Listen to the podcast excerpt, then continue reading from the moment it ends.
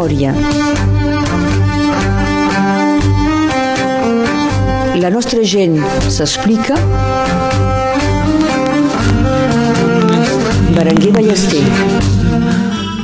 Un poble i una barca desig d'amor per no perdre mai el ple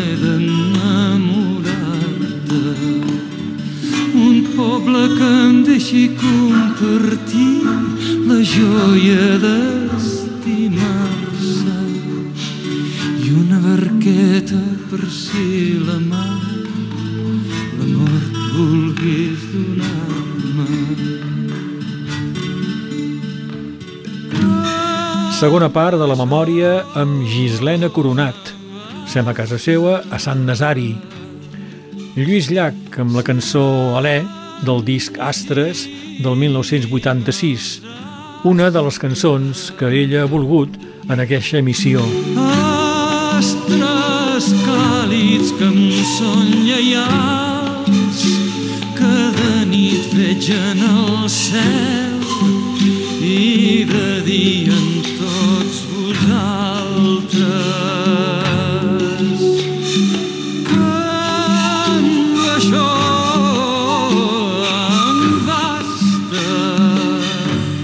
Ahir, a la primera part de la memòria amb Gislena Coronat, vàrem saber que la família del pare, els Coronat, són de Sant Nazari, pagesos.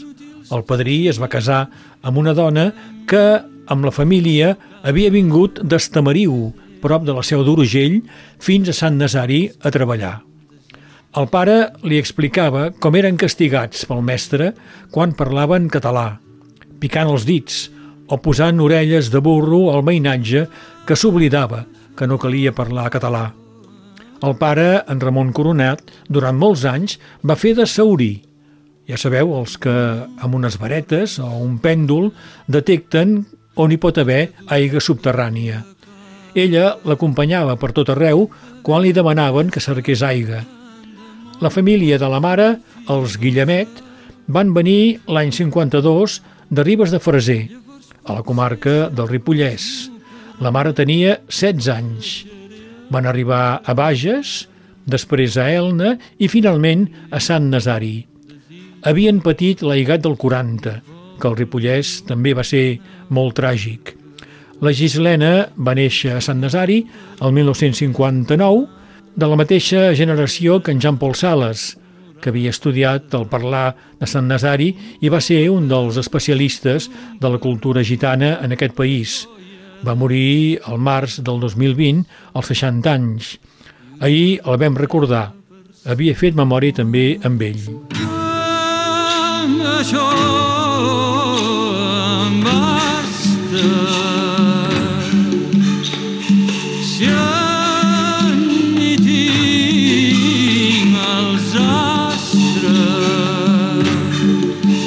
Gislena Coronat, tornem a parlar de tu i de Sant Nazari. Ja ho has dit, que vas a escola a Sant Nazari. I després, al secundari, el fas a Sant Exuperi, al Molí de Vent. Sí, això és una... No hi havia col·legi aquí a prop. Aquí a prop encara no hi havia els col·legis de Canet ni el de Cabestany. Nosaltres hem nascut al 59, els que han nascut als anys 60 varen poder anar un any després a Cabestany, es va, es Ah. va construir Cabestany, però nosaltres, com havíem començat a la 6 a Sant Exuperi, doncs vàrem, vàrem, Sí. vàrem seguir allà. I sí, vàrem arribar... Eh, per nosaltres era, era anar a la vila, eh? Sí. Érem d'aquesta generació, fills de pagesos, no, no, no anàvem mai a Perpinyà, sí, anàvem a Perpinyà dos o tres cops a l'any per vestir-nos, eh, per les festes del poble ens vestíem i, i prou, eh? I en acabat eh, Sí. anàvem a l'escola amb, amb autobús, doncs, eh, i quan, arri quan vàrem arribar allà en aquell col·legi de Saint-Exupéry, vàrem ser barejats amb els, els, els de la mateixa edat, de pieds noirs, perquè el Molí de Vent era Sí. Ple de, de, doncs de, de, de pieds noirs, i tots els nostres professors se deien Garcia, mm, López, eren, eren pieds noirs també, gai. I, però nosaltres, esclar, no, tot això no, teníem 11 anys i mig, fixa't tu, no, no, no, no ho analitzàvem ben bé, però fèiem un complex perquè els, els, el, el, érem, érem fills de pagesos, no érem gaire moderns a la, a la nostra manera de, de vestir-nos, i aquests fills de Pied sí, sí, eren més, tenien una, un aire més, contem, més modern, més, eren més refinats. eren més refinats que nosaltres, exactament. Les noies tenien vestits bonics, i eren, tenien els, els ungles pintats, nosaltres érem una mica traçades, eh, la gent del, la, la, el jovent dels pobles, però vaja. I a la mainada Peus Negres parlaven sí. de, de la seva experiència recent? No gaire, no, no, no, no, no, no. Nosaltres trobàvem que parlaven molt bé el francès i fèiem un complex, nosaltres érem... Sí, sí, sí, hi havia d'això. I jo diré que el, el vigilant general també era, era pied noir i nosaltres sofríem una mica de menyspreu. Sí? sí per sí. part d'ells? De part d'ells, dels, dels adults, eh? Sí. no del jovent, eh? esclar, el ah. jovent pobret, no. Però, sí, érem... fèiem un complex, eh? perquè érem a la vila i com si fóssim, com si fóssim en país estranger una mica. Perquè l'entorn era peu negre sobretot, no? Sí, parlaven molt bé francès, era, ple, sí. era, no, no, no era la mateixa, sí. no érem acostumats a, a, a gent de la vila, és això, érem, érem de poble i és així. M'agradaria comentar un episodi important a la història de Sant Nazari. Aquests 12 anys, del 71 al 83, que Sant Nazari va perdre la seva independència i va passar a ser, com has dit tu, un barri de Canet. Sí, jo, jo ho vaig viure així, tothom no, potser no ho diria d'aquesta manera, eh, perquè va, va, van ser anys una mica de patiment eh, per la gent del poble, perquè tothom no tenia la mateix, el mateix pensament, hi havia la gent que eren contents d'aquesta fusió, eh, això sí, i altres que deien que era injusta doncs eh, va, ser una, va ser una cosa molt de patiment. Ara, ara va dividir el poble, Va això. dividir el poble en dos. Sí. Com una guerra civil una mica... Sí. Exagero, eh, perquè la gent no es varen matar, eh, però no era una. La, la gent no se parlaven, eh, hi havia famílies dividides, eh, veritat. Eh, va, va ser una mica... Eh, sí, va, va ser dolorós això. Mm -hmm. El 71 va ser una decisió del Consell Municipal Sí, va ser mal fet, va ser mal fet, no varen consultar la gent, però això però ho permetia la llei, eh? no sí, varen fer res de... Ho permetia la llei. Uh, ens vàrem aixecar al matí i vàrem descobrir que no, ja havíem perdut el nostre alcalde. L'alcalde era tinent d'alcalde de Canet i d'aquí, no sé, 13 consellers en teníem en teníem cinc, teníem dret a, a tenir-ne cinc, doncs representàvem un barri de Canet. El poble se deia, doncs va canviar de nom, eh? eh se deia Canet en Rosselló, Guion, Sant Nazari, Canet, Roussillon, Sant Nazaire, sí, sí. I això va durar uns quants anys, um, 12 anys? 12 anys. 12 Fins al 83? Anys. Sí, sí.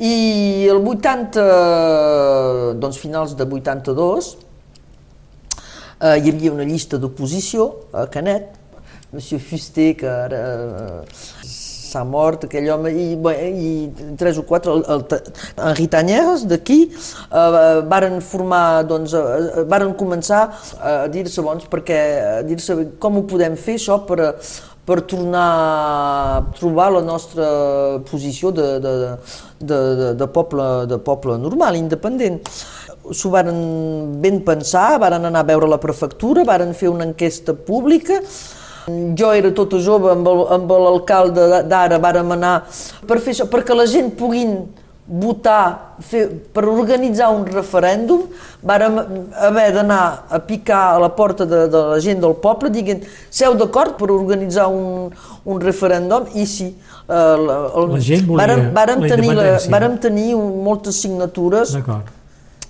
per, eh, per organitzar el referèndum. Doncs el, eh, va, es va organitzar el referèndum i va guanyar sí, volem la separació del poble de Canet. És això que va...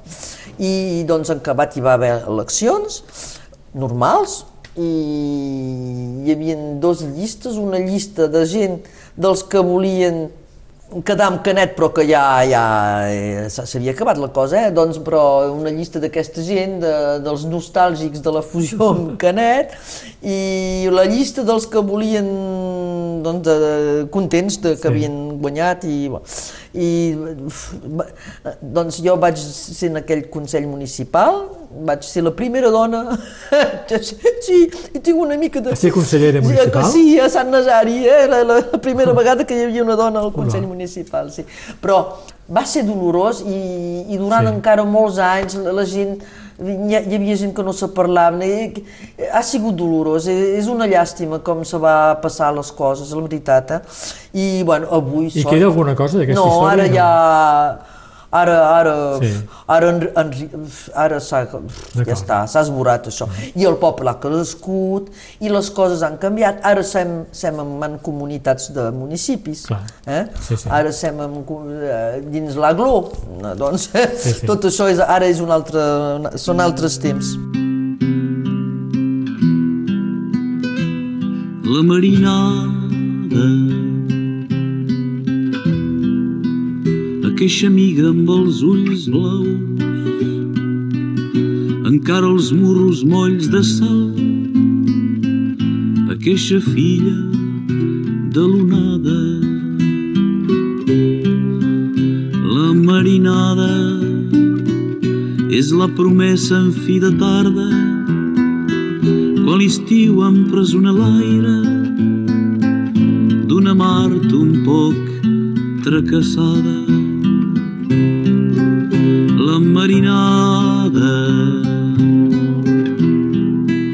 és una gavi sense ocells és una mà dins del cabells quan la platja ha estat desertada la marinada és un pi que torna a parlar són els senills que fan sonar totes les aimes de la Prada. Marinada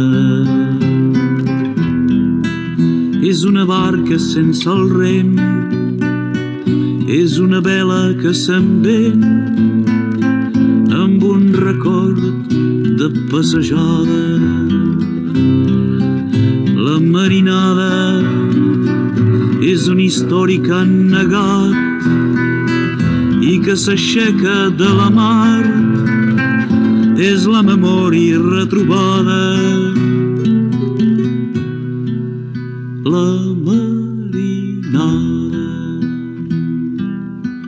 Gislena Coronat, encara, perquè estàs a punt de jubilar-te, em sembla, falten pocs mesos, treballes en el sector del turisme, ets mm. la responsable de relacions amb la premsa de l'Agència de Desenvolupament Turístic dels Pirineus Orientals. A partir d'aquesta agència tens eh, relació amb la premsa de diversos països europeus. Eh? Però abans has treballat, de fet, has treballat sempre en el sector turístic. Sí, he treballat sempre en el sector turístic, m'he donat compte que l'agricultura seria difícil i gràcies a les llengües que vaig aprendre a escola, eh, l'inglès, l'alemany, vaig trobar feina en un poble de vacances que es, es diu que, sí. Codallera a, a Port Barcarès, sí, sí.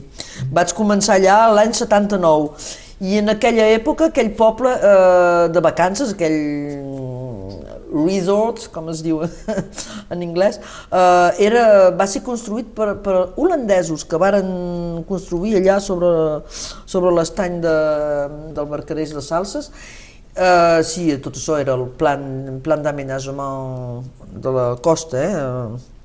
Um, sí, doncs aquest, aquest poble de, de vacances era, era ple de turistes.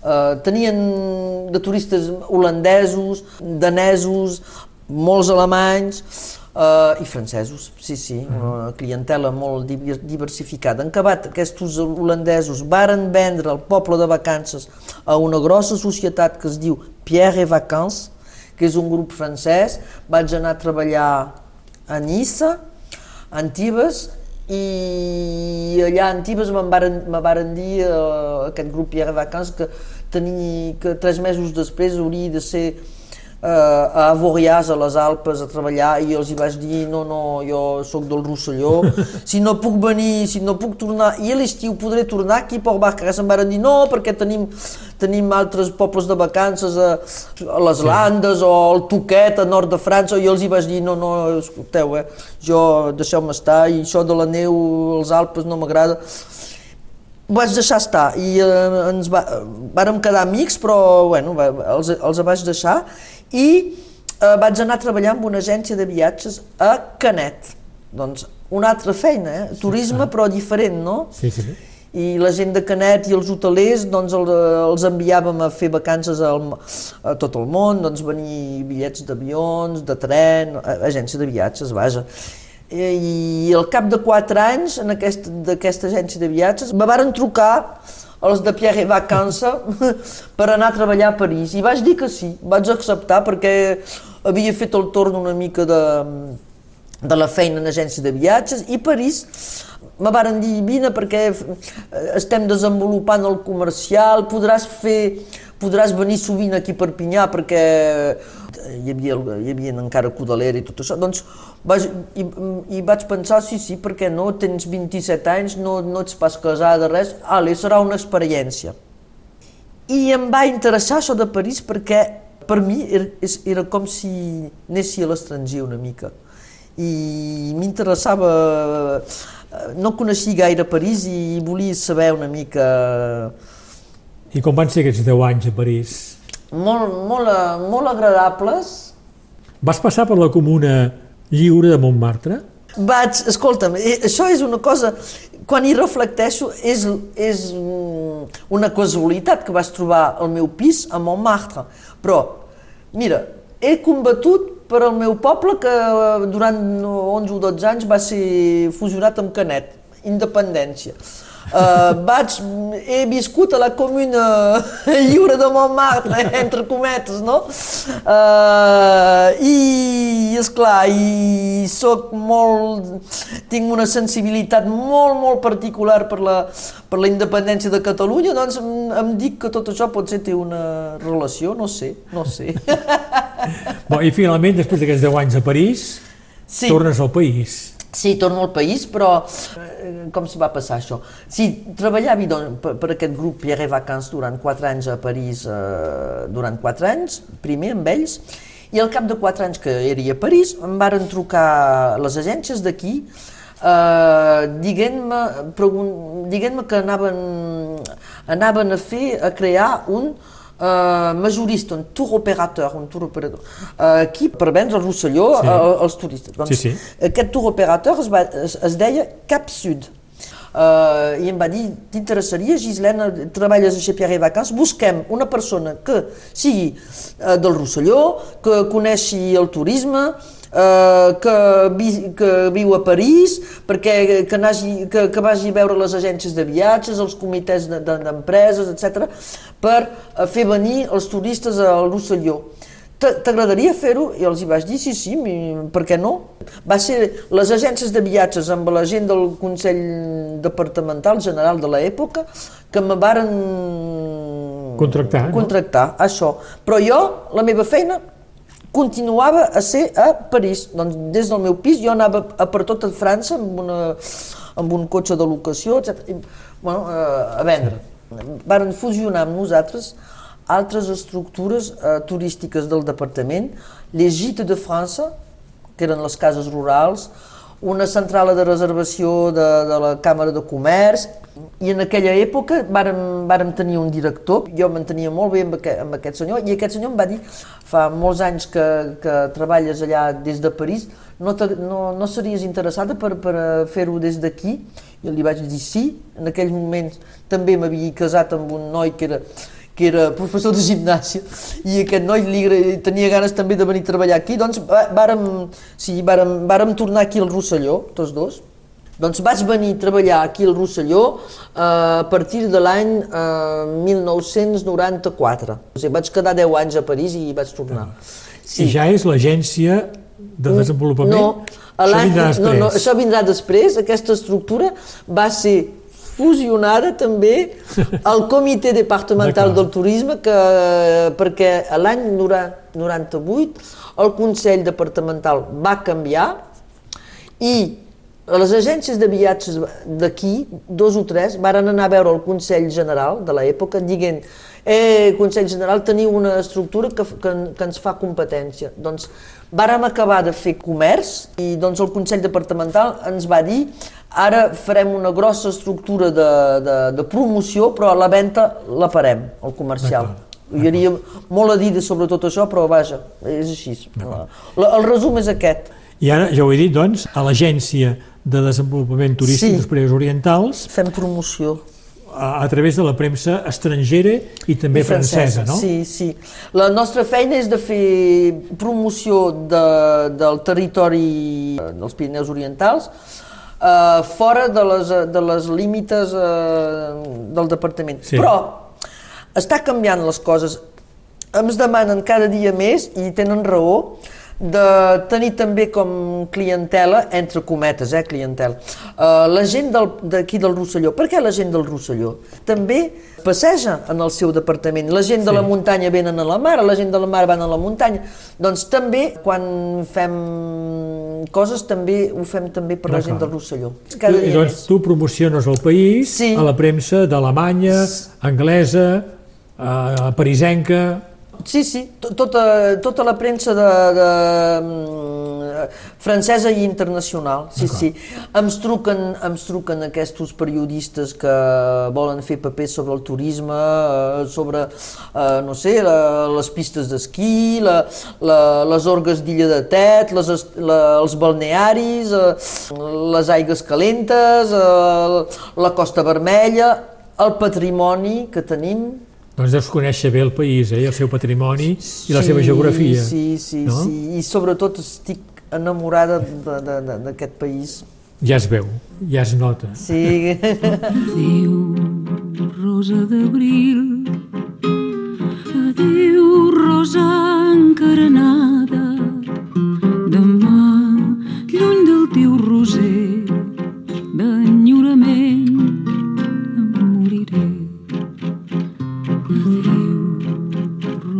d'abril. Adéu, rosa encarnada,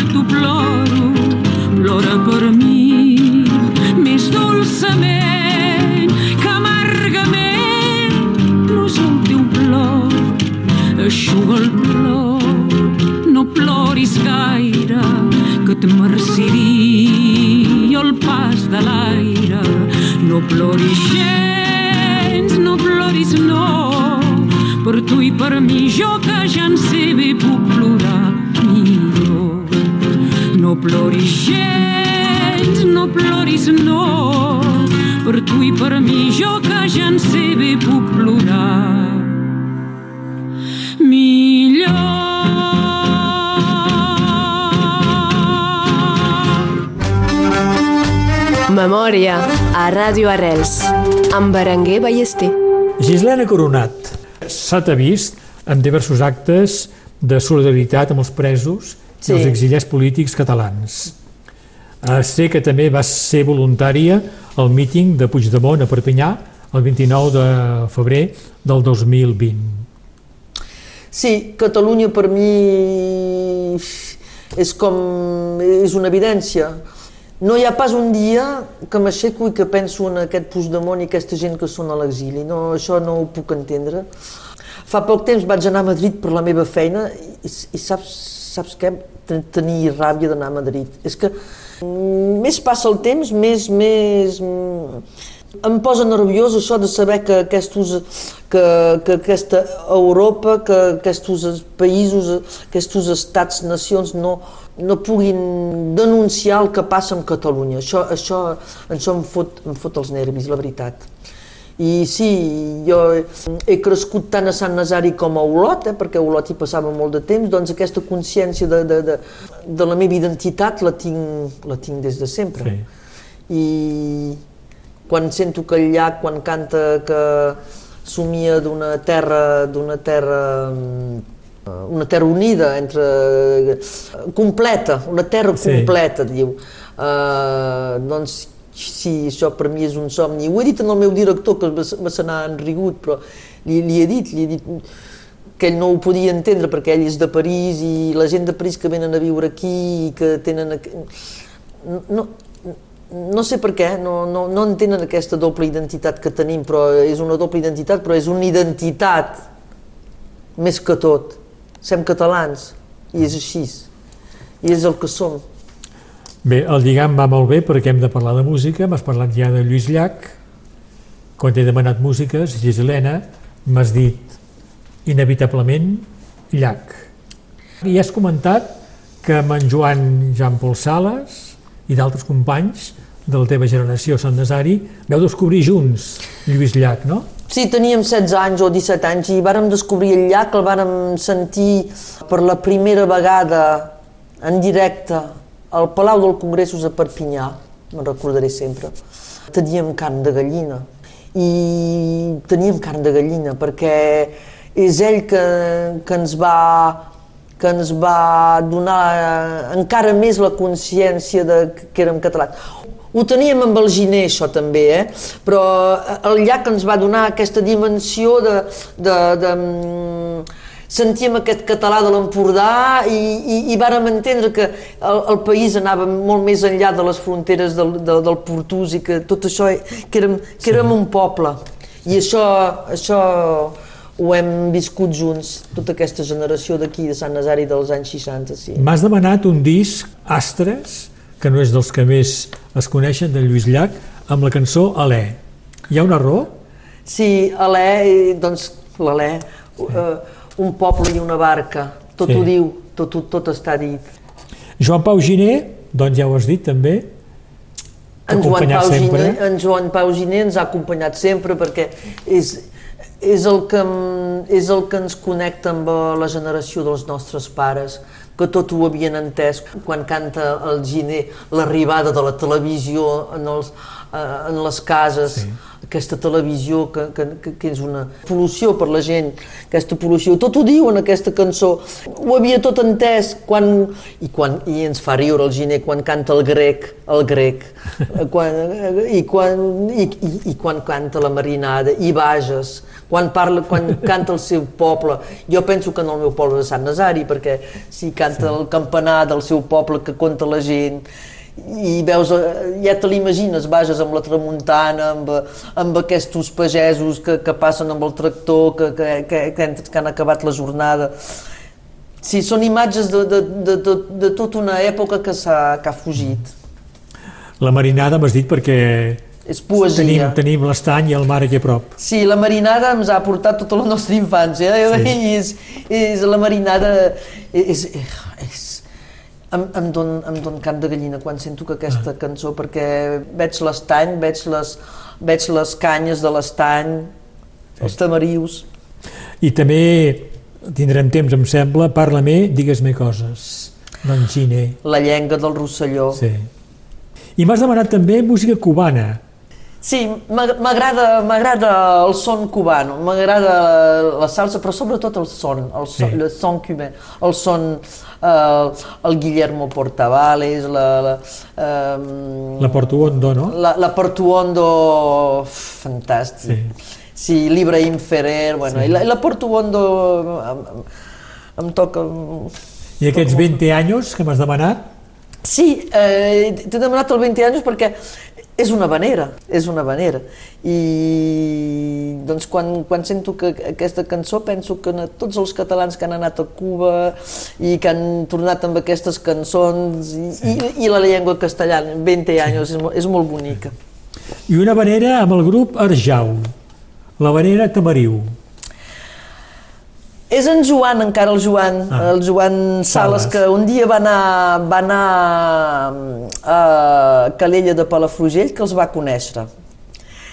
I va simpatitzar amb ells i en acabat jo hi vaig anar i bueno, ara són, són amics. Uh, es diuen Jordi Rubau i Jordi Grau.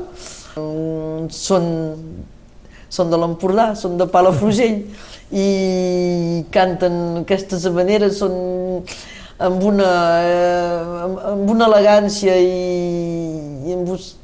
M'agraden, m'agraden l'Arja- l'Arjau i m'agradaria que tots els, que els del Rosselló els coneixin perquè ho fan molt bé. Marino Rossell, també. La Marina com el llac, com la Maria del Mar Bonet, són, són, ens han portat tota la nostra adolescència, no? Doncs la Marina tot ho canta, eh, la Marina canta cants de, de la meva infància quan el meu padrí em feia saltar sobre les... Eh, quan era petita Sí, que, a la falda. a la, a la falda eh, ca- canta cançons de, de resistència Sí. la Marina té una obra fantàstica I m'has parlat eh, de Bach, de Mozart, d'Eric Clapton, per exemple. Sí, també. Bach, Mozart, és, la meva mare escoltava molta música clàssica i doncs és, és la meva mm, és la meva infància i, i Clapton, Clapton és lligat a... m'agrada molt la música pop rock, he descobert la pop rock amb els amics de París perquè a París passava molt de temps amb músics de Perpinyà que també Ah. han viscut a París i ens, ens trobaven a- a Montmartre, ens trobaven, passàvem molt de temps, eh, perquè ha, Perpinyà és una ciutat, no sé si se sap, però hi ha, hi ha molts i molts guitarristes i músics a Perpinyà, és molt rica en matèria de, de, de músics, i els músics de Perpinyà molt, molts han viscut a París i, jo, i ens veien, passàvem molt de temps. I aquesta gent m'han fet descobrir la música pop-rock que jo no hi coneixia res i gràcies a, a ells he descobert tota aquesta música i el Clapton eh, ho representa una mica és, és, és, Sí. sí eh, eh, toca amb molta elegància el Clapton i sí, m'agrada, a vegades m'aixeco al matí i poso que el Clapton i em posa de bon humor Molt bé. sí. Uh, Gislena Coronat, quan et jubiles, doncs? em jubilo el mes de juny, a finals de juny Què faràs un cop jubilada? Catalunya, a visitar Catalunya, que no la conec Sí? prou. Uh, vull tornar a Olot perquè durant molts anys he passat molt de temps a treballar, m'ha agradat molt eh, la feina que he Sí. fet, però ara m'agradaria redescobrir Catalunya i continuar la lluita. Molt bé. Estic molt content que m'hagis acollit a casa teva, Gislena. Gràcies, ha sigut un ple, Berenguer, i Sant Nazari, d'acollir-te aquí a Sant Nazari, en aquest poble a vora de l'estany. Gislena, gràcies. Adeu, gràcies a tu. Bon dia.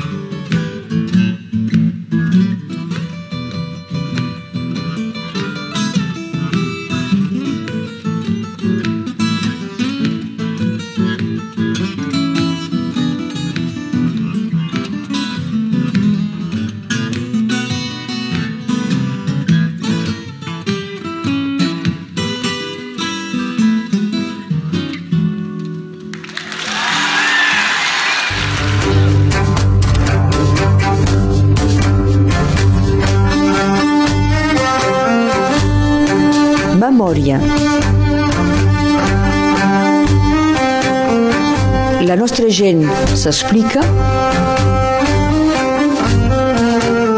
Berenguer Ballester.